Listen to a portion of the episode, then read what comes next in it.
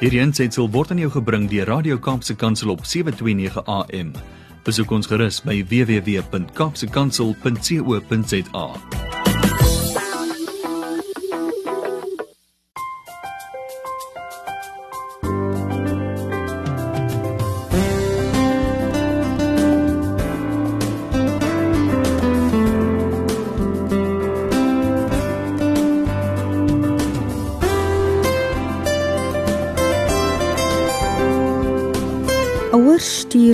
stuur hul kinders skool toe met die hoop dat hulle hulle self uit die greep van armoede kan lig. Ook om 'n goeie toekoms vir die kinders te verseker, veral as die ouers tot ruste gaan kom. Tog sien ons baie keer dat kinders wat na goeie skole gaan, kinders wat in duur skole is en ook vele ander kinders in ons publieke skole nooit suksesvol hul skoolloopbaan voltooi nie en ook nie by selfverwesenliking kan uitkom nie. Nou waarom sien ons die tendens, luisteraars? Waarom is sommige kinders suksesvol en ander nie? Waaraan kan ons dit toeskryf?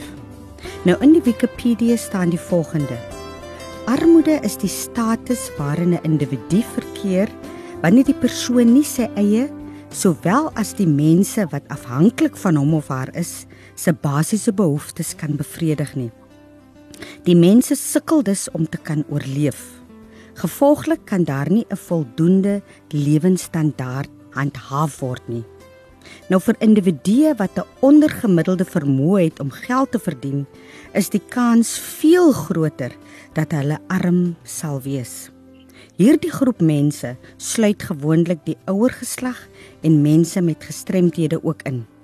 Nou die gebrek aan onderwys dra grootendeels by tot die ontstaan van armoede. Lae ekonomiese ontwikkeling dra ook tot armoede by. Nou armoede kan ook aanleiding gee tot dakloosheid.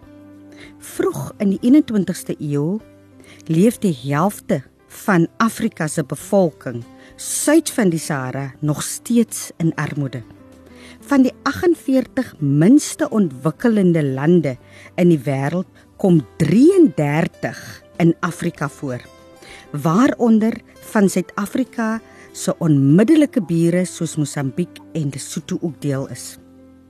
Nou daar word bereken dat 'n half miljard mense daagliks honger ly en dat tussen 15 en 20 miljoen jaarliks weens hongersnood sterf. Die gevolg van armoede, veral onder die plattelandse bevolkings, is dit al hoe meer mense na die strede verhuis. Die afgelope 40 jaar, luisteraars, het die stedelike bevolking van ontwikkelende lande verdubbel, terwyl dit in ontwikkelende lande vyfvuldig toegeneem het. Goeiedag luisteraars en welkom by Kopskuif met my Melvina Meisen waar ons elke Saterdag onderwys en skoolgemeenskapsake gesels. Vandag gesels ons weer met Quentin Adams, die Shackbuilder, ook opvoedkundige sielkundige, onderwysmeningsvormer en 'n gemeenskapsleier. So bly dis ingeskakel op 729 AM Radio Kaapse Kansel want na die breek gesels Kopskuif oor die rol van ouers in die breek van die siklus van armoede. Hoe bemagtig ons as ouers ons kinders om 'n beter toekoms vir hulle te verseker? Luisteraars hier op Kopskuif praat ons saam en dink ons saam oor relevante onderwerpe en ons skoolgemeenskappe. Saam met julle almal kan ons 'n verskil maak in ons land, want ons by die ATKV glo dat onderwys almal se verantwoordelikheid is. So met hierdie program Kopskuif reflekteer ons deur gesprekvoering op onderwys en meer spesifiek op ons onderwysers en natuurlik ons skoolgemeenskappe. Dit is dis 'n platform waar die onderwysgeleerders, ons skoolgemeenskappe en opvoeders hulle wenke, tegnieke, vaardighede en suksesstories kan deel met ander. Met 'n fokus op kreatiewe onderrigstrategieë, die huidige knelpunte in die onderwys en ons skoolgemeenskappe en om ons opvoeders te ondersteun, hulle bemoedig en help om slimmer, wyser en gesonder aksies in hul klas en vir hul persoonlike welstand te kan implementeer. So weekliks voer ek onderhoude met skoolgemeenskapsleiers en rolspelers, met prinsipale, ouers, onderwyskundiges, leerders en natuurlik die opvoeder wat een van ons hooffokusse is. So hierdie is inderdaad die platform waar opvoeders en ons skoolgemeenskappe gesien en gehoor gaan word. Welkom terug luisteraars op Kopskyf met my Malwena Meisen. Ons gesels vandag weer met die Shackbuilder Quentin Adams wat met ons gaan gesels oor die siklus van armoede en hoe ons ons kinders moet voorberei om die patroon te breek en uit te styg bo ons omstandighede. Goeiedag Quentin Adams weer eens en welkom by Kopskyf. Goeiedag Melvina en baie dankie vir die geleentheid om weer 'n kritiese bydrae te lewer tot ek dink een van hierdie belangrikste mm. uh kwessies mm. wat ek dink baie min op gefokus word en dit is die rol wat ouers spesifiek speel om mm. hierdie armoede siklus te breek uh, wat ons tans ervaar. Baie baie dankie mm. en en wel gedaan. Ek is regtig opgewonde oor hierdie onderwerp wat jy het want dit kan mense help en dit kan mense help om om om uit die uh, moras van ja. armoede ja. en ellende te kom. En ek ja. dink dit is wat hulle nodig in die praktiese strategie wat ons vandag gaan oorpraat. Ja. En ons gaan kyk hoe ons daai kop skuif te werk kan bring by ons ouers om daardie daardie siklus wat ons al vir dekades in vasgevang is te breek. So Quentin, kan jy vir ons vertel waarmee hou jy jou nou op die huidige oomblik besig? Wat is jou projekte? Ja. Ja baie dankie ons projek het nou na 'n volgende vlak toe beweeg en die ehm um, nasionale uitsaai wese SAIK is 'n verslaggewers hmm. verwys verwys deesdae na ons as 'n humanitêre organisasie wat met verplaaste mense werk wat beteken mm. displaced people. Hmm. Ehm mm. um, en ehm um, hulle begin al hoe meer vir ons hierdie ehm um, verwysing en beskrywing gee dat ons uh werk met uh, disasters ons werk met onwrigting ons werk mm. met menslike onwrigting mm. um veral op die gebied van van plakkershutte wat afgebrand word. Mm. Uh maar ons het gedurende inperking het ons 'n groot voedselskema um projek geloods.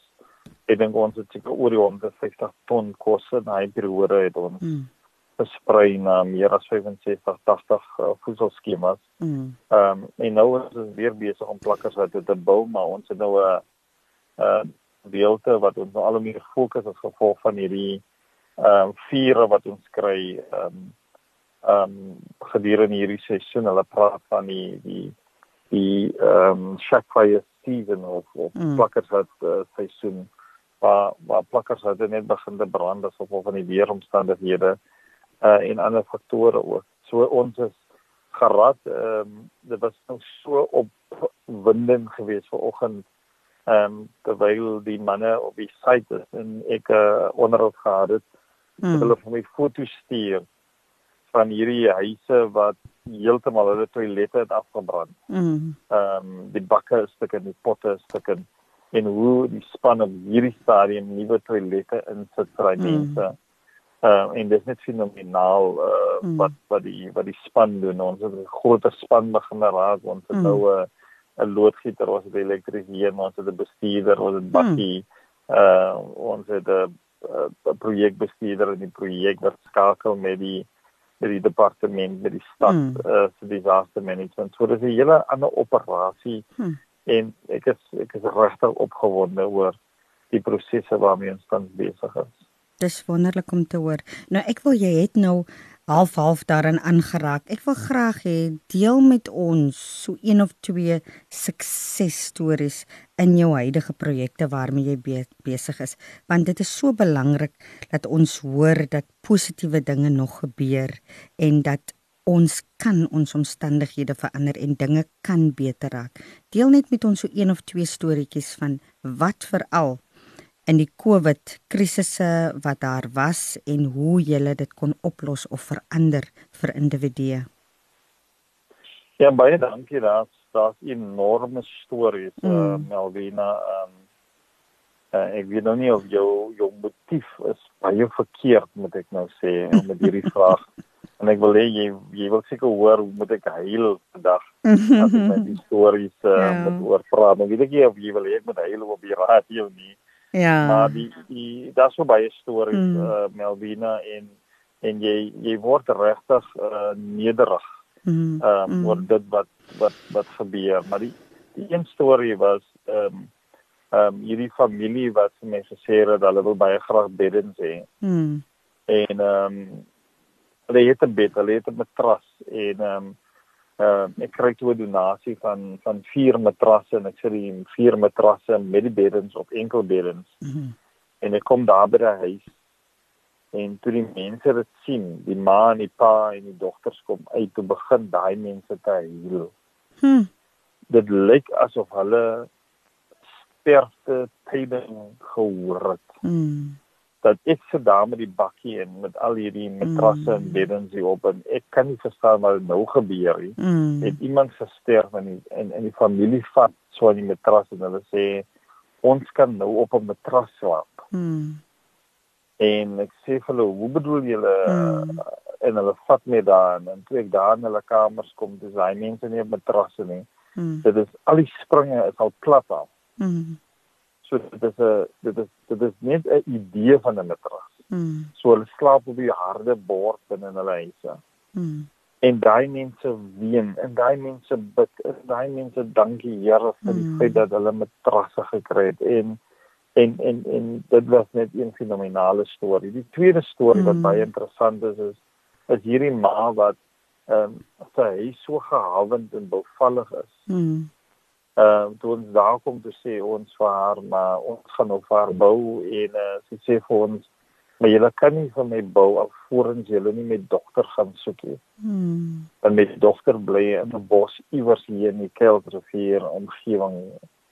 En my span manne wat uh, fokus net op die home, homeless mense daar. Hmm. Uh, die projek het nou so gegroei dat ons nou verskillende spanne en hulle gaan soek hierdie dogter en hulle kom op 10 verskillende homesites af in Keltrivier. Mm. Min mense weet dat dit is homesites en ons kry mm. daai mense in in in die bos.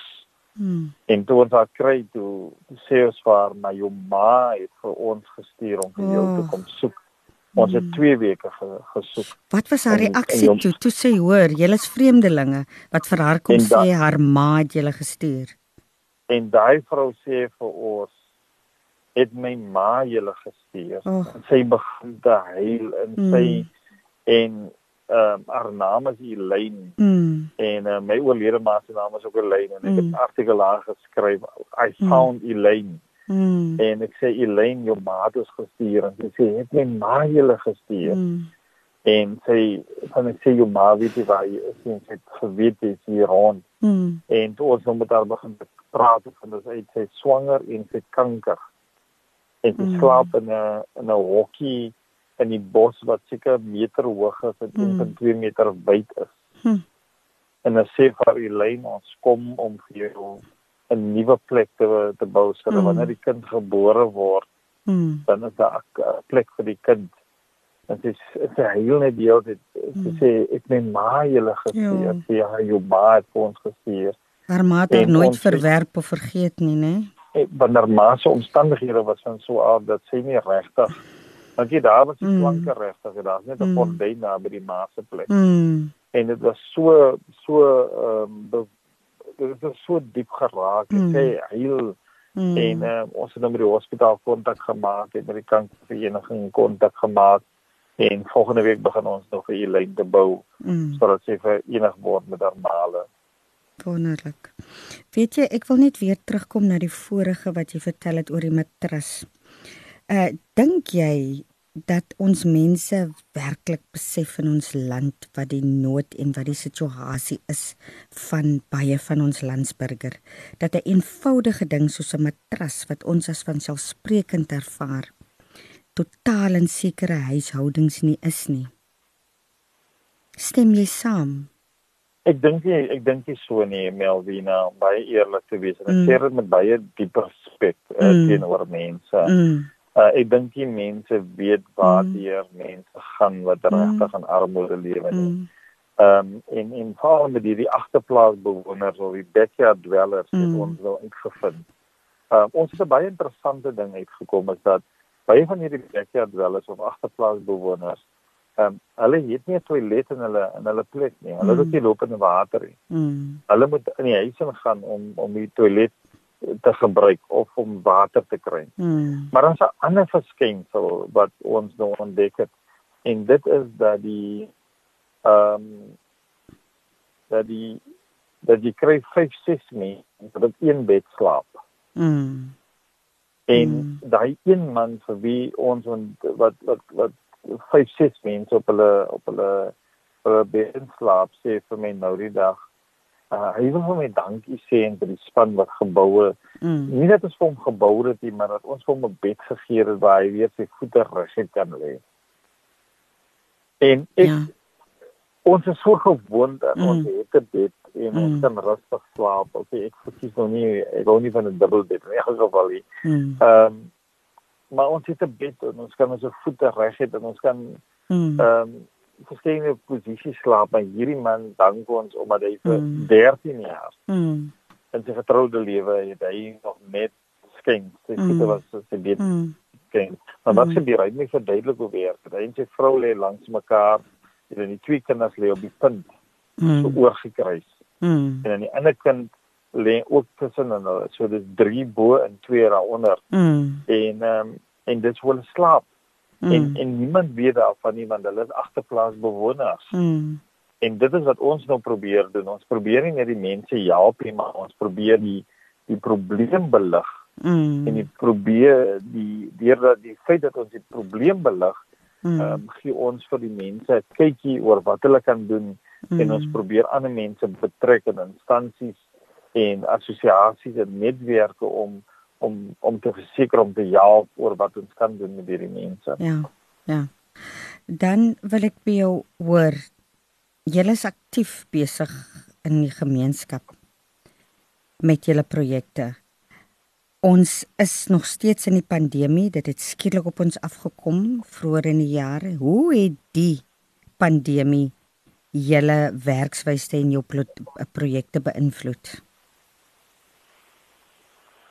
Melvina op 'n persoonlike vlak het ek my familie bymekaar geroep ehm um, die mm. aand voor die pandemie en mm. ek het mm. vir my familie gesê dat ehm um, ehm um, ons gaan te doen het met die virus ons gaan gekonfronteer mm. word met die feit dat ons kan aangesteek word en die plekke waar ons werk is daar mense op daai stadium het mense nog nie maskers gedra nie. Mm. Uh by eerste twee weke, drie weke het geen mens nog regtig maskers gedra nie. Dit was mm. eintlik eers na die vierde, vyfde week waar daar bewuswording begin raak het. en ons het in in, in persoonlik het ek met my familie gepraat en hulle gesê uh as julle vir my sê vanaand ek ek kan nie uitgaan en kos te gaan haal en mense te voed nie dan dan stop ek dit. Mm. Want ek wil die hele lewens in gevaar stel. Ek wil nie hê dat mm. iemand moet sterf in die huis nie. Mm. En my familie het om my gestaan en vir my gesê uh my kinders het gesê that you just do what you need to do now. Mm. The country needs you now. Mm. Uh my vrou het gesê Quentin die die land het jou nou nodig. Mm. En mm. ons wil hê dit môreoggend met jy uh met die volle inspirasie met hier uitgaan. Mm. En ek sal daai oomblik, ek het letterlik mm. soos 'n kind gehuil toe hulle vir my sê wat, oh. wat gebeur Melvina? Mm. My my vrou is toe wel positief getoets. Ek was nie positief getoets nie. Dit dit is nog 'n dis nog 'n groot ehm um, uh vragteken wat ek het rondom die aansteeklikheid van hierdie ding. Ja. Uh maar ons het in die gevare gegaan. Ons mm. het met sopkombuise gewerk waar mm. daar baie keer duisende mense staan in die rye. Mm. Ons was daar eendag in Elsies rivier gewees waar die by die bendelede daar gestaan. Ons was in gevaar gewees. Mm. Ons het op plase gery. Ons het sommige keer op 5:30 in die oggende ehm um, het ek opgestaan en dan is dit koud, dis donker, daar's geen motor op die R300 nie. En ons is op hierdie trok en ons gaan groente haal en ons gaan vrugte haal ja. om seker te maak dat die mense wat honger is regtig en die spanlede, nie een van hulle het gekla nie. Ons het uh sommige kere het ons 5 ton uh groente met ons gelaai, dit is net twee manne. Hm. Ehm um, maar maar ons het besluit dat dat die land het ons nou nodig, die mense het ons nodig, die mm. Die nood van die mense het ons nodig. En uh, ek het altyd elke oggend vir die manne gesê nothing happens within the comfort zone. Niks mm. gebeur in 'n mm. gemaksone nie. Mm. Ons gaan gekonfronteer word met aansteeklikheid. Ons mm. gaan gekonfronteer word met mondelike ongeluk en ons ons het 'n papbiel gekry. Ons ja. het 'n tyrebars gekry. Ehm um, ons het trok was beboet omdat hy was die een weegbrug het het gesê ons is wat oor gewag het die volgende weegbrug sê ons ons oor en hulle mm. gee my 2500 rand boete omdat die voorste kant van die trok is oorgewig en nie die agterste kant nie. Sure. Maar ons oh. het ons was beweeg deur die deur die mm. behoeftes van die mm. mense. Ek mm. moet sê ehm um, die die die wreedheid uh die wreedheid van armoede, die wreedheid van hongerte, mm. ehm mm. uh, hoe die kinders daar gestaan het en ons het meer as 65 uh voedselskemas het ons voorsien vanaf Parel mm. uh Franshoek, Wellington, Klapmuts, in die Nouverpark en Eastsplein. Um, ek kan onthou in Eastervier daai pastoor met met bakkies gekom uh soos ons vir hulle geregeer het en mm. en ons het dit geweet dit is wat ons nou moet doen en en en en ek moet sê die span het verskriklik hard gewerk en dit was verblydend geweest behalwe mm. dit het ons ook sopkombyse begin ons het donasies gekry mm. uh ons het 9000 rand uitgegee om 'n uh, om potte te koop en eerste rivier het ons groot sopkombys begin ons het mense gekapasiteer met gas um, ons het groente gekry ons het mm. gehelp met die struktuur daar met die logistieke beheer van die sopkombyse so ja dit was 'n een groot verskriklike intervensie mm. en uh toe ehm um, die die televisie vir ons bel om te sê ons is 'n humanitêre organisasie. Mm. Ehm um, toe was daar uh so 'n waardering onder die span want ons mm. het regtig uh hard gewerk om seker te maak dat ons die mense met voed. Goed so. Luisteraars so gesels die Shackbuilder Quentin Adams. Na die breek kyk ons weer verder met hom. Bly ingeskakel. Welkom terug luisteraars by Kopskuif met my Malvina Meisen. Ek kuier nog met Quentin Adams, die shack builder, en ons fokus vandag op armoede en die siklus of ons kan ook sê die greep waarin baie van ons mense nog vasgevang bly. Nou Quentin, jy werk op grondvlak in baie baie uitdagende gemeenskappe. Vertel ons meer. Ons het nou vroeër voor die breek ook 'n bietjie daaroor gesels oor wat armoede werklik is vir al die areas waar jy werk. Hoe lyk armoede? Hoe voel armoede en hoe ruik armoede? En ek wil net uh voor jy nou antwoord wil ek ook net sê ek persoonlik het glo ook daarin dat jy met bewusmaking skep onder jou familie, jou kinders, jou huishouding laat ons weet wat armoede is. Hoe lyk armoede? Hoe voel armoede en hoe ruik armoede? Ek het toe my kinders nog klein was, het ons gunsteling uitstappie op 'n Sondag was om deur die dorp te ry in al die woongebiede om vir die kinders te wys hoe ons mense leef en watter uitdagings ons mense op 'n daaglikse basis mee te kamp kom sodat hy bewusmaking by my kinders is en dat hulle eerstens waardeer dit wat hulle het en dat hulle empatie en simpatie en verstaane kan ontwikkel vir diegene wat in armoede leef en waarom sekere dinge gebeur soos wat dit gebeur. So ek wil hê jy moet ook laat laat ons luisteraars wat nie weet wat armoede is nie ook 'n verstaane en 'n insig en begrip kan kry van wat armoede werklik is. Ja baie dankie. Ek wil dit ehm um, ek wil nie ehm um, baie komplekse definisies gee mm. rondom wat armoede is nie. Mm. Maar ek dink ehm um, as ek op drie goed kan fokus van armoede. Ehm um, armoede is wanneer daar materiële en fisiese tekort is mm. um, van dit wat ons aan die lewe hou. Ehm um, dit beteken daar is nie genoeg kos in die huis nie. Dit beteken ons kan nie die minimum inname mm. van voedsel hê nie wat beteken waar mense fokus op twee maaltye dan het ons geen maaltye nie of ons mm. het 'n minimale inname van van voedingsstowwe mm. soos byvoorbeeld net 'n stukkie brood vir die dag. Ehm um, so daar's 'n materiale dimensie mm. en die tweede gedeelte van die materiale dimensie is is dat ehm um, elkeen het die reg volgens die grondwet om in 'n huis te bly.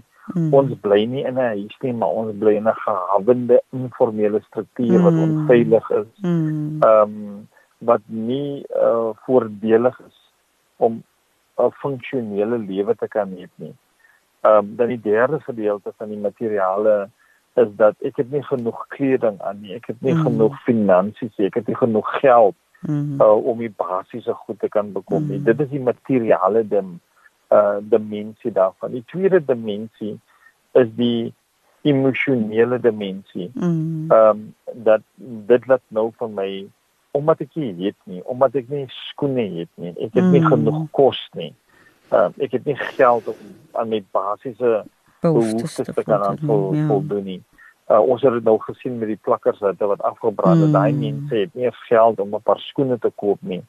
Ehm um, en en daai is die emosionele dimensie. Die mm. emosionele dimensie is hoe voel ek wanneer ek dit het nie? Hoe voel ek dit mm. wanneer ek na wanneer ek nie kan mm. eet nie? Die die pyn, die skaamte, die vernedering, ehm uh, die verwaarlosingsgevoel mm. wat ek het en wat vir my baie baie kommerwekkend is is hierdie emosionele dimensie mm. wat ehm um, 'n eindresultaat is as gevolg van die materiale te materiële tekorte wat mense het. Mm. En daarom is dit belangrik om om om daai twee te verstaan, maar dan is daar 'n derde gedeelte. Mm. En dit is die kognitiewe dimensie. Mm. Is uh, in Engels sê dat dat dat poverty en en, en, en armoede en hongerte en wanvoeding hy ontwrig jou jou verstandelike prosesse. Mm. Ehm um, hulle praat van the genocide of the mind. Mm. Wat beteken jou jou selfbeeld begin het. Mm. En dat jou die manier hoe jy dink. Mm. Uh dat jou jou jou wat jou ehm um, na jou inisiatief, jy ja. meer inisiatief, ja. jy wil nie meer probeer nie. Dit dit dit strop jou van mm. jou van jou vertroue en dan die laaste proses is dit strop jou van jou menswaardigheid. Mm. Jy begin minder waardig voel, mm. jy begin minder mens voel mm. en dan is daar sekere vlakke uh, van die onmenslikingsproses en dit is waarmee ons elke dag te doen het. Mm. En ek het op 'n vorige geleentheid gesê vir iemand dat die wanhoop lê so diep in ons gemeenskappe. Mm. Uh, waar jy 12 mense kry wat in een kamer slaap op twee beddens. Dit beteken ses mense moet op twee beddens slaap. Mm. Daar's nie water nie, daar's nie 'n toilet nie. Hulle gebruik een toilet vir vir 18 mense. Mm. En as jy kyk daai toilet, daar is nie 'n uh, eerste deur as jy daar so staan by te kan, dan kan jy sien iemand is besig om die hmm. toilet te gebruik. Daar's geen privaatheid nie. Mm. En as jy net as jy net 10 mense wat so bly nie, dis duisende mense mm. wat so bly. Mm. En dit is wat uh, armoede so skokwekkend maak en en afbreekend maak mm. dat dit mense onmenslik laat voel en minderwaardig mm. voel. En dit is die dimensies van armoede wat mm. ons sien. Mm. Nou Quentin, ek wil nou vir jou 'n vraag vra. Ek wilde ek meen iets wil vir jou sê en dan wil ek hê ek sê graag wil jy moet daarop reageer. Ehm um, as ek as individu nou vir jou gaan sê. Maar waarvoor moet ek simpatie en empatie toon? vir die mense. Hulle is verantwoordelik vir hulle eie lewe. Soos hulle in Engels sê, you are the creator of your own destiny. Uh waarom het jy waarom kry jy kinders as jy weet jy het nie 'n werk nie? Waarom uh lê jy by die huis rond as jy kan uitgaan en vir jou 'n werk soek. Hoe gaan jy daarop reageer as ek dit sê aan arm 'n arm persoon?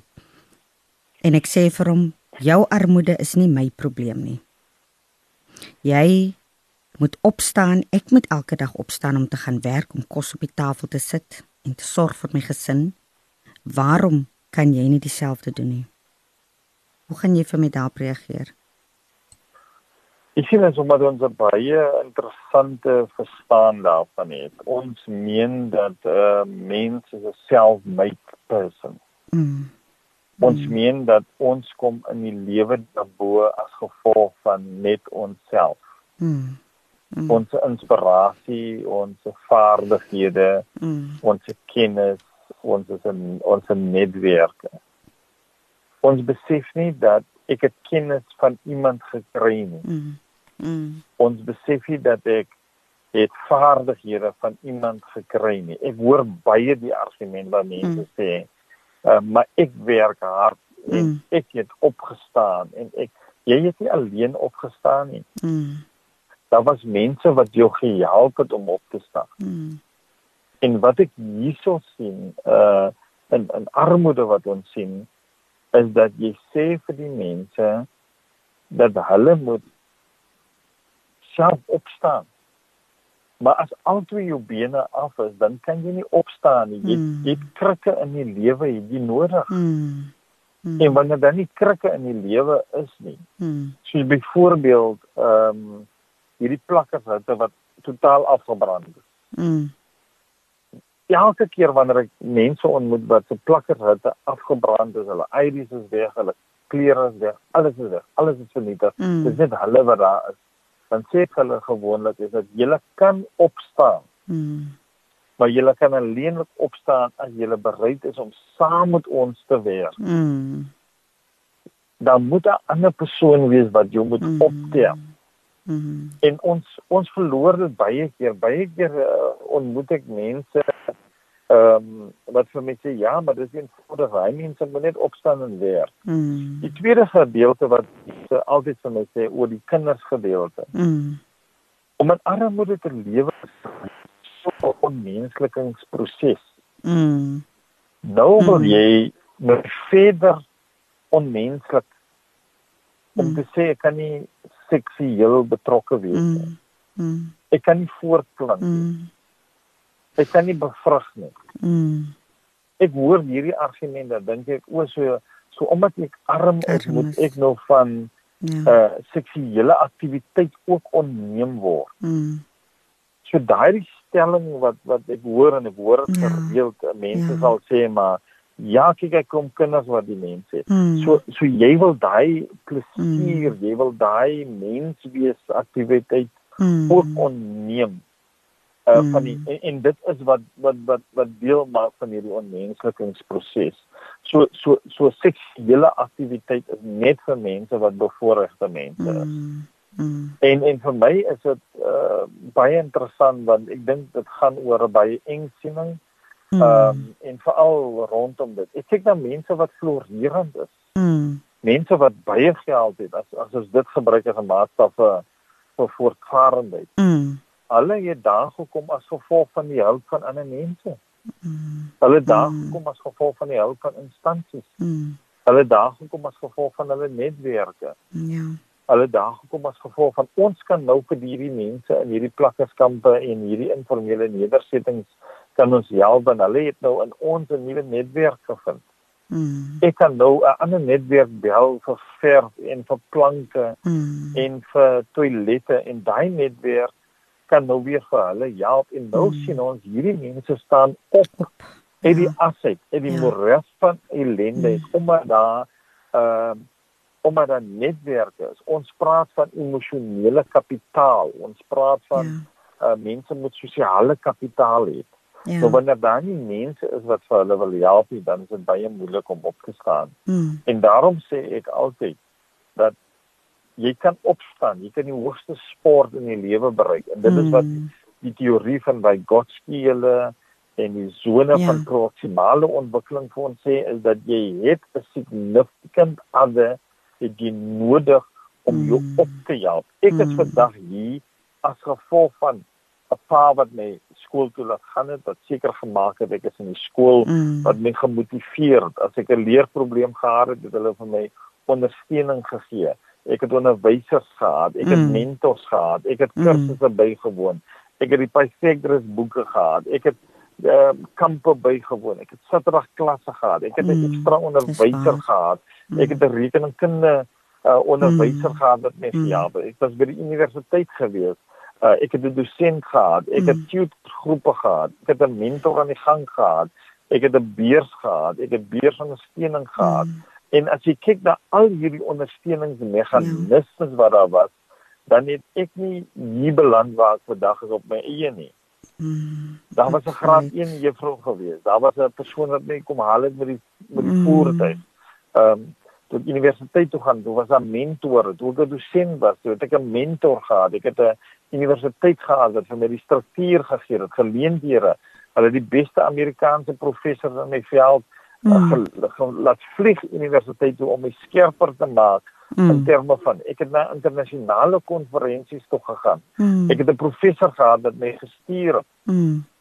Wat in my kantoor gekom en gesê het Quentin, waarna toe moet ons jou stuur? Mm. Wat is jou plan vir jou ontwikkeling? Hoe kan ons hierdie teorie vir jou aanleer? Mm. En en dit is almal ehm um, kapasiteit en ondersteuningsstrukture wat daar was en en dit is wat ons moet doen vir vir hierdie ja. mense om hulle te skeffel om hulle daai installasie te gee en die probleme kom mense in armoede uh daar is genoeg installasie nie daar is genoeg ja. motivering nie ek het nou met iemand gepraat wat mm. totaal in die bos gebly het mm. en hierdie persoon het 'n entrepreneur geword daai persoon het sy eie hoekom het hy dit geword want dat iemand verbygestap en hom bevriend en met hom gesels om die nodige ervaring te gee, opleiding gegee, nodige kapitaal gegee en hy het 'n florerende besigheid. Mm. Hy het 'n florerende besigheid. Mm. En en dit is wat nodig is om daai installasie ondersteuning te gee vir mense sodat hulle daar bo kan uitkom. Sjoe, dankie vir vir daardie verheldering en inligting. Dit is dit is absoluut dit laat 'n mens dink. Dit laat jou regtig dink. Luisteraars bly ingeskakel op 729 AM met my Melvina Meisen op die program Kopskyf. Hier by Kopskyf deel ons ons stories, ervarings en suksesresepte want ons by die ATKV glo dat onderwys almal se verantwoordelikheid is en dat ons saam 'n verskil kan maak in ons land. Ons kuier verder met die Shackbilde net na die breek. Welkom terug luisteraars. Ons gesels oor armoede vandag en nou gaan ons fokus op oplossings tot die armoede in ons land en ons het 'n uh, interessante gesprek tot hede gehad met die Shackbilde Quentin Adams. Nou Quentin. Ek weet nou nie of dit nou 'n dom vraag is nie. Maar waarom sukkel so baie mense nog in ons land? En waarom is so baie nog vasgevang in die greep van armoede? Waarom het ons die situasie in ons land? Ja, ons moet onthou dat ons het 'n geskiedenis van ehm um, armoede gehad oor oor dekades heen. Ehm um, toe ons begin met 94. Mm. Moet ons weet dat ehm um, ons was in 'n rassegroepe gewees en swart bruin en indiër mense was benadeel en wit mense was bevoordeel gewees. En ons het met 'n agterstand gehad om hierdie ongelykheid ehm um, reg te stel. En ons die nuwe regering het ons in plek gesit hmm. en ons het gehoop dat hierdie nuwe regering ehm um, die regte ekonomiese beleid sal hê om hmm. hierdie armoede wat al reeds bestaan het onder spesifiek daai drie rassegroepe hmm. ehm um, aan te spreek. En ek moet sê dat die regering het ehm um, verskriklik baie goed gedoen as ek dink mm. byvoorbeeld net in terme van die behuising. Mm. Uh, ons het seker die grootste behuisingsprojek in die wêreld gehad. Uh, dit was een van die groot massiewe projekte wat ons gehad het. Uh, wat meer as 3 miljoen uh, huise is gebou om net seker te maak dat die bestaande agterstand wat daar mm. reeds was om om dit aan te spreek. Mm. En daar was baie ander goed dan dan baie van ons het nie hierdie ehm um, dienste gehad en daar was nie regtig dienste gewees Mm. vir daai groepe nie en ons moes die land moes uh, kyk om daai agterstande op die ehm um, die hele ehm um, probleem van apartheid aan te spreek uh, Mm. met 'n ekonomiese model. En toe begin die probleem dat ons ehm um, die regering het begin te sukkel om dit aan te spreek. Mm. Ehm um, en ek dink een van die grootste probleme is, is ons wou te veel uh, goed op dieselfde tyd aanspreek. Mm. Uh, ons is seker die land wat die meeste wetgewing in 'n baie kort tydjie uh probeer implementeer het. en en ons kon sien dat die land het vorentoe begin beweeg. Nou nie soos ons verwag het dit Ja. gaan gebeur nie, maar ek dink ons is ons is baie ehm um, uh onverdraagsaam om te verwag dat alles nou moet onmiddellik verander word. Mm. Sommige kere dan luister ek aan wat die media sê. Maar wat wel gebeur het, ehm um, is dat ons het nie 'n ekonomiese model ehm um, wat ons op 'n pad sit dat ons kan sien dat die ekonomie groei op 'n vlak ehm um, waar ons die armoede kan aanspreek. Mm. Ek dink dit is een van die grootste ehm uh, probleme na 1994 Mm. Was die vermoë onder Mbeki en Mandela was daar uh, was daar ekonomiese groei gewees en ons het gesê dat um, ons land moet teen 'n uh, ekonomiese groei koers van 3%, 4%, 5% moet ons beweeg om seker te maak dat daar meer uh, investering inkom in die land en meer Mm. kapitaal inkom in die land en dat daar besighede geskep word en toe gaan ons deur hierdie dit lyk asof ons soos Titanic net val eendag.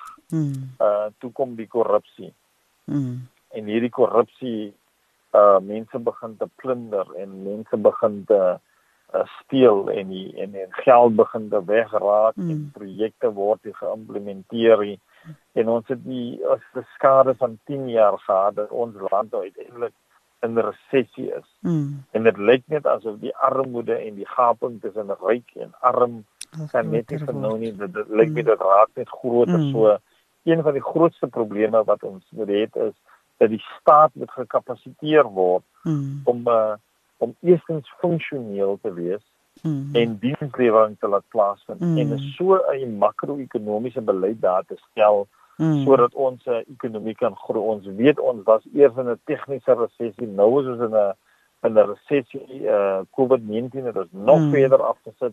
Maar ek dink makro-ekonomiese beleid en programme moet uitgesorteer word. Daar moet skoon regering wees. Mm. Daar moet funksionerende departemente wees. Daar moet 'n ekonomiese beleid wees. Mm. Um en ek dink ons ons ons sukkel op daai stadium al vir 10 jaar het ons gesukkel Mm. daarmee Mm. uh met met president Ramaphosa as daar nou uh flikkerligte Effens, ja. dat ja. dat dat ons dit gaan omkeer die korrupsie word nou aangespreek hulle Mm. word nou in hegtenis geneem um die ekonomiese makro-ekonomiese beleid moet nou weer in werking kom um en en op 'n makro-ekonomiese beleid het dit net gelyk dat dit baie baie moeiliker is. En ek dink Mm. ons grootste probleem is ons onvermoë om die vervaardigingssektor aan die gang te kry want ons Ja. skep net nie genoeg werk nie. ja.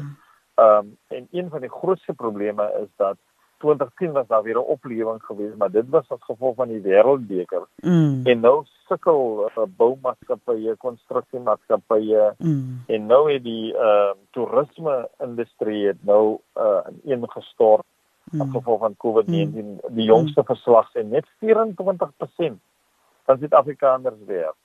Van die werkende po- populasie is dan net 24% wat werk. Sjoe. En dit is 'n krisis. Dit Sjoe. is 'n krisis. En ons regering sukkel om 'n makro-ekonomiese beleid daar te stel. Mm. Die tweede gedeelte wat ek dink ons sukkel ook mee is om die onderskeid tussen ryk en arm uh te kan vernou. Jy kry mense wat superryk is in hierdie Mm. land. Mm. Ehm um, hier is 'n area in die Kaap wat ek ehm uh, sommige kere wanneer ek van die plakkerkampe afkom dan Mm. ry ek in daai area Mm. uh, net om my siege weer 'n bietjie in te werk. Ja. Die pryse van 'n huis is 200 miljoen een. Mm. Nou as jy 'n huis bly van 200 miljoen, nou mm. beteken jy het 'n multibiljoen besighede. Ja. ja. So so so die ongelykhede mm. is 'n groot probleem. Ehm um, en dan die derde gedeelte wat ek dink ons al hoe meer moet uh, na kyk is ons behuising. Ehm um, mm. ons moet 'n infrastruktuur ontwikkeling moet ons daar stel en ek dink behuising is is die roete wat ons moet volg om meer werk te kan skep. Ons mm. sukkel met verskriklike werkloosheid. Mm. Ons sukkel met verskriklike uh probleme van ongeletterdheid, vroeë skoolverlating. En ek dink dit kulmineer in hierdie probleem van van van armoede dat ons ja. het mense wat wil werk, mm. maar mense daar is nie werk op hierdie mm. stadium nie. Mm. En dan natuurlik 'n groot probleem wat vir my 'n flikkerlig is en 'n groot rooi flikkerlig is, is hierdie feit dat hierdie ehm um, SASSA betalings hmm. ehm um, in staatstoelaar raak net al hoe meer al hoe meer groter. Wat mm. beteken dat mense het nie werk nie en dan is hulle afhanklik van die mm. uh, staatstoelaar. En ek dink ons moet begin met makro-ekonomiese be beleid. Mm. Die die die verskil tussen arm en ryk moet mm. uh, verminder word. Ons mm. moet werkskepping begin te fokus. Mm. Ons moenie net werkskepping op fokus vir bevoorregte mense mm. nie ons moet ook uh, werkskepping kyk na mense wat lae vaardighede het. Mm. Ehm um, sodat ons hierdie ons kan nie net op hierdie staatstoela model ja. of hierdie welsyn staat model werk. Dit is nie volhoubaar nie. Ehm um, dit raak groter en mm. dit dit dit eskaleer en dit is nie 'n goeie mm. uh, manier om die armoede probleem aan te spreek. Aan te spreek nie. Dankie. Dankie daarvoor nou Quentin die gewaarwording daar buite is of wat soms opmerklik is is dat ouers wil baie graag hulle kinders uit die greep of die siklus van armoede uitneem. So wat baie ouers doen en vele van hulle sukkel soms ekonomies. Maar hulle stuur hulle kinders na privaat of eksmiddelseë skole of soos sommige glo die beste skool in hulle dorp of stad. En hulle doen dit met die hoop en vertroue dat hulle kinders uit die siklus of die greep van armoede hierdeur sal sal kan beweeg. Nou ek wil graag weet wat is jou gevoel hieroor om jou kind na 'n privaat eksmiddelseë of die beste skool te stuur? gaan dit sukses verseker vir jou kind of jou kind uit die siklus of die greep van armoede noodwendig uitlig. Ja, ek ek is 'n groot voorstander daarvan. Ek is 'n groot voorstander dat ons die dat ons ehm um, die beste opvoeding moet hê. Mm. En dan is 'n spesifieke rede hoekom ek al hoe meer daarop uh, fokus. Mm. En Melvina, jy uh, was ook saam met my betrokke om om te fokus op die breinontwikkeling van mm. kinders. Mm. En ons het probeer om breinontwikkelingsvaardighede mm. ehm mm. um, en jy is een van hierdie uh vooraanstaande mense en leiers op die gebied van om seker te maak dat ons kwaliteit onderwys mm. en en 'n opleiding moet gee. En ek bedoel jy het ook 'n persoonlike geskiedenis van jou mm. kinders wat almal gegradueer is. Mm. Dit is die toekoms waarna toe ons moet mm. beweeg. Mm. Uh ons beweeg na die 4de industriële uh, nywerheidsrevolusie ja. en die vyfde uh, die ehm um, nywerheidsrevolusie. Uh, ek kan nou al vir jou sê uh, ek is geskok om te sien die veranderinge wat wat ons wel baie ons gepaard gaan. Ons gaan byvoorbeeld nie meer konferensies hê nie. Alles mm. gaan virtueel mm. wees. Mm. Ehm um, en ek dink dit is belangrik dat jy ehm um, mense moet baie goed opgelei word. Mm. En ek, ek ek kan vir jou nou 'n praktiese voorbeeld gee. Ek het nou die dag ehm um, het ek iemand nodig gehad ehm um, wat vir my 'n artikel moet skryf. Mm. Um, en ek het verkieslik versoek iemand wat baie wat wat wat, wat uh, skool klaar gemaak het. Ek het 'n paar kinders gekry, mm. leerders gekry wat vir my 'n artikel moet skryf wat net nie kan skryf nie. Mm. Dit beteken hulle het 'n mm. graad 12 kwalifikasie. Mm. Hulle kan nie vir my 'n artikel skryf nie. Mm. En ek praat nie van 'n akademiese artikel nie. Hulle moes net 'n opsomming vir my geskryf het en die mm. taalfoute wat daarbey betrokke mm. was.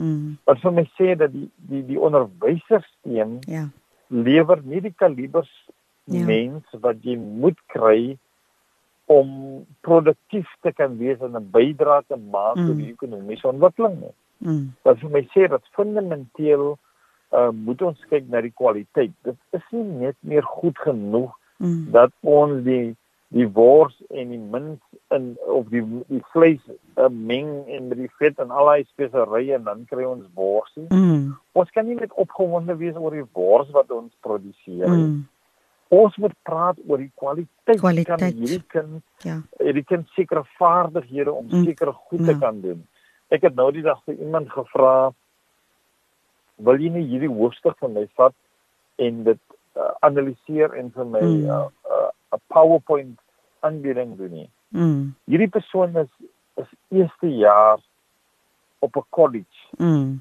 en die persoon weet nie hoe werk PowerPoint nie mm. Mm. Hierdie persoon weet nie hoe om 'n om 'n hoofstuk te analiseer nie. Mm. En net kort punte te maak en vir my hierdie aanbieding te gee nie. Wat mm. beteken ehm um, dat ons kry 'n onderwysstelsel en daarom is ek al hoe meer 'n groter voorstander dat ons moet na alternatiewe metodes kyk. Mm. Ons moet seker maak dat ons kwaliteit moet verrig. Mm. Want wat gebeur as ons kompeteer met die wêreld? Ons weer ja. werk in hierdie globale ja ehm um, konteks ehm um, en dit gaan oor vaardighede. Mm. Ehm mm. um, en daarom is ek 'n groot voorstander dat die kwaliteit van onderwys mm. ehm mm. um, moet 'n groter prioriteit in hierdie land hê. En veral mm. as jy die geleentheid kan hê om jou kinders te kan blootstel aan beter vaardighede, mm. beter geleenthede. Mm. En aan die einde van die dag is daai vaardighede. Mm. Ek het nou onlangs 'n berig gelees oor ons uh, olie uh, wat ons het hier op die kus. Ja ons het nie die ons het nie die kapasiteit in hierdie land om my olie te ontgin nie. Hm. Ons het nie die ingenieurs hm. Om dit te ontgin nie. Hm. Ons het nie die kapitaal nie. Ons het nie hm. die mense wat daai olie kan bestuur nie. Hm. Nou moet ons mense van buitekant af moet ons gebruik. Mm. En dit is nie net dit nie, dit gaan ook te het ook te doen met die. So ons praat ja. van mense wat ehm um, waar is die loodgieters, waar is die mm. skrynwerkers? Ehm um, ons het nou die dag het ek 'n klein vlei met die brand op Vragenhuis straat is nie 'n skrynwerker of 'n loodgieter aan die pad nie. Niemand in daai pad is 'n loodgieter of 'n skrynwerker nie. Mm, mm. En dit wys net weer eens dat ons moet streef met hoë kwaliteit onderwys, opleiding en as ons geleenthede kan kry, dan aan die einde van die dag gaan dit oor die stimulering en die vooruitbou van 'n uh, uh, ekonomie binne in ons land. Luisteraars daar, jy hoor julle dit, dit is absoluut belangrik dat ons dis investeer in ons kinders en vir hulle die beste opvoeding moontlik kan gee. Nou ek wil nou verder vir jou vra, buite die feit dat ouers moet kyk om vir hulle kinders die bes moontlike onderwysopleiding te gee. Gee raad aan ouers oor kinders grootmaak om te verseker dat hulle die greep van armoede kan ontsnap en om te verseker dat ons kinders onafhanklik sal kan sal kan funksioneer as die ouers nie meer daar is nie. Gee 'n paar wenke of raad aan hulle. Buiten jy het nou gesê kyk na die beste moontlike opvoeding vir jou kind. Wat sal jy nog vir hulle sê sodat hulle uit die greep van armoede uit kan ontsnap? Ja baie dankie. Ons het die, die program dissipline begin bereik gehad en dit het op sewe boustene gehad, maar daai mm. boustene het regtig gefokus op karakter bou en om seker te maak dat dissipline ge, gevestig word binne die huis. Maar vir 'n kind om te floreer, dink ek mm. wat die beste ding wat ouers vir hy kind kan gee, is daai kind moet moet 'n droom hê in die lewe. Mm. Daai kind moet vertel word van wat hy of sy kan bekom in die wêreld. Mm. En ek sê vir jou, ons werk in 'n konteks wat jy vir die kinders vra waarheen is jy op pad met jou lewe? Mm. Wat wil jy word met jou lewe? Daar's net hier 'n gesprek mm. en daar's net hier 'n bewuswording dat ek het ek moet 'n droom hê, ek moet 'n visie hê. Mm. En daarom dink ek is belangrik. Uh, ek kan onthou in my in my pa uh, se uh, my verhouding met my pa, mm. my pa in 85 toe ek in die onluste betrokke was, sê maar net jy ek wil hê jy moet gaan studeer want die land gaan jou eendag nodig hê. Mm. Mm. Wat beteken nou was 'n droom vir my ja. uh, ge, geplaas dat ek moet ek moet universiteit toe gaan. Eendag ja, gaan ek 'n bydrae met lewer tot die tot die land. Ja. Die tweede gedeelte wat ek dink wat absoluut belangrik is, is dat daar moet 'n liefde gekweek word vir kennis en vaardighede. Mm. Dat ons ons moet ons moet kinders hê wat die waarde van kennis en vaardighede mm. moet verstaan. Mm. Jy sit met hierdie briljante brein, maar jy sien lief vir nuwe kennis nie. Jy sien Mm. lief vir nuwe vaardighede nie. Mm. Nou, ek dink ons haal gewoon net die woord skool en universiteit en college weg. Mm. Dat dat daar moet 'n leergierige leergierigheid wees. Daar moet 'n Mm. 'n 'n behoefte wees om om met ander mense saam te werk. En dan die derde aspek is dat mense moet besef waar hulle hulp kan kry. Ja. As jy 'n probleem het, dan moet jy weet daar is hulpnetwerke. Daar's netwerke wat vir jou hulp sal gee. Mm. As jy nou hier 'n probleem het, as jou motor 'n probleem het, dan moet jy weet wie jy kan kontak maak. Mm. Uh en en en, en daai drie vir my is 'n kardinale Mm. uh, aspek en dan die Mm. belangrikste gedeelte is om kinders te vorm met goeie karakter. Mm. Jy kan die mees briljantste mense in die lewe wees, Mm. Maar as jy nie 'n goeie karakter het nie, as jy weer barstig is, as jy onbeskof is, as jy Mm. lelike maniere het, ehm um, dan wil mense nie met jou saamwerk. Mm. So ek sal sê daai is die vier basiese goed wat ek dink belangrik is om vir mense uh te kan help om te ontskei. En dan 'n laaste ene verskoon my, Mm. mense se siening oor geld Mm. en oor welvaart. Mm. Ek het nou by 'n paar skole het uh, het my gekontak om te vra kan ek nie vir hulle opleiding doen nie en dan onmiddellik daarna sê die prinsipaal vir my maar ons het die geld nie. Mm. Nêrens hoor ek dat hulle sê ons wil graag van jou dienste gebruik maak en ons sal metodes vind Vind. om die geld te kan kry Ja. om die diens wat jy aanbied te Ja. betaal. Ja. En daarom dink ek dat hierdie komponent van welvaartskeping mm. en om met geld te kan kry en met geld te kan werk, dit te kan bestuur, te kan Mm. mm. vermeerder, uh, ek dink is 'n belangrike komponent okay. wat mense moet weet. En en dit is hoe ons gemeenskappe vorm kan. Absoluut, absoluut. Quentin, ons tyd het uitgeloop. My laaste vraag aan jou wat ek gewoonlik altyd vra in kopskuif. As jy nou om een tafel met die met die minister van basiese onderwys en die president sou sit nou, wat sou jy graag aan hulle wil oordra? En ek wil hê jy moet dit in uh uh in 'n in een sin sê ten opsigte van die siklus van armoede onder ons Suid-Afrikaners. Ja, ek dink daar is 'n daar's 'n siening dat dat eh uh, die onderwysdepartement het al die antwoorde Mm. en dat die onderwys en onderwysers sal alleen dinge kan regkry. Mm. Ek dink wat die onderwys moet doen is dat hulle met 'n ouers 'n groter vennootskap met hulle sien. Mm. Hulle moet instansies wat kundig is. En ek kyk nou byvoorbeeld die fantastiese werk wat jy doen as kopskyf. Mm. En die gesprekke wat jy het en hierdie kritiese gesprekke wat jy het. Mm. Al die de oorbosse en departemente met jou as 'n strategiese vennoot sien en nie Mm. as kompetisie sien nie. Mm. Ons kan nie alles op ons eie doen nie. Die Mm. Onderwysdepartement dit lyk asof hulle meen hulle het al die kundigheid in pag. Hulle het nie al die kundigheid in pag nie. Mm. Baie van die kundigheid is buitekant. Daar's van hulle wat uitstekende kundigheid het.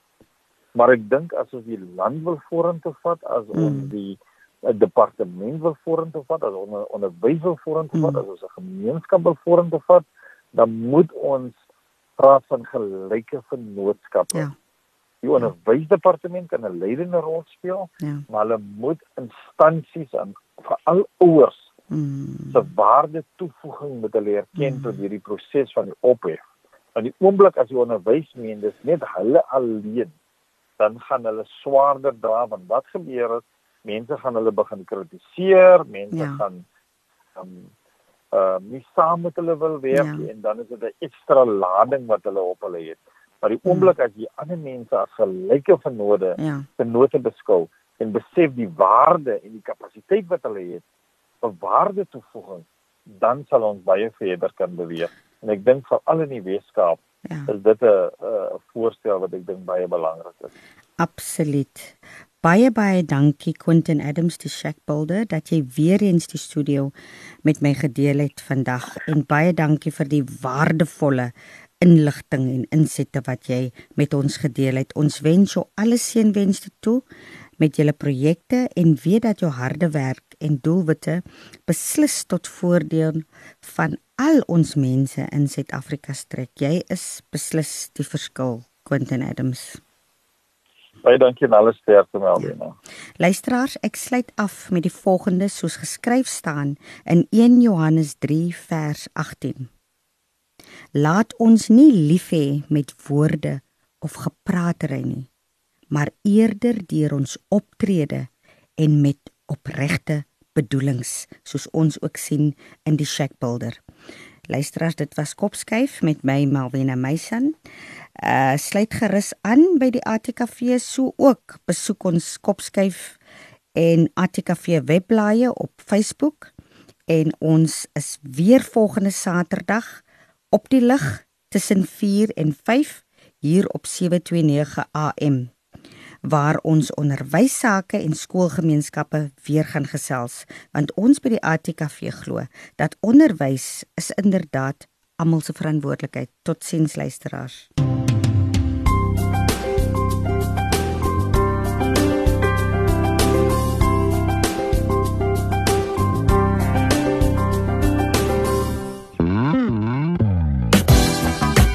Hierdie ensetsel is aan jou gebring deur Radio Kaapse Kansel op 729 AM. Besoek ons gerus op www.kaapsekansel.co.za.